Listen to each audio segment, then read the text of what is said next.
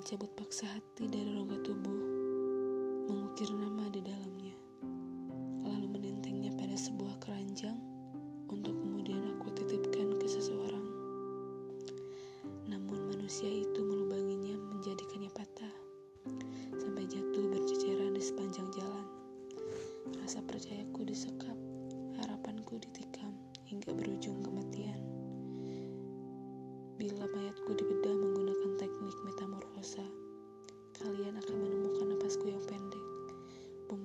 darahku yang tersumbat, juga otakku yang meledak.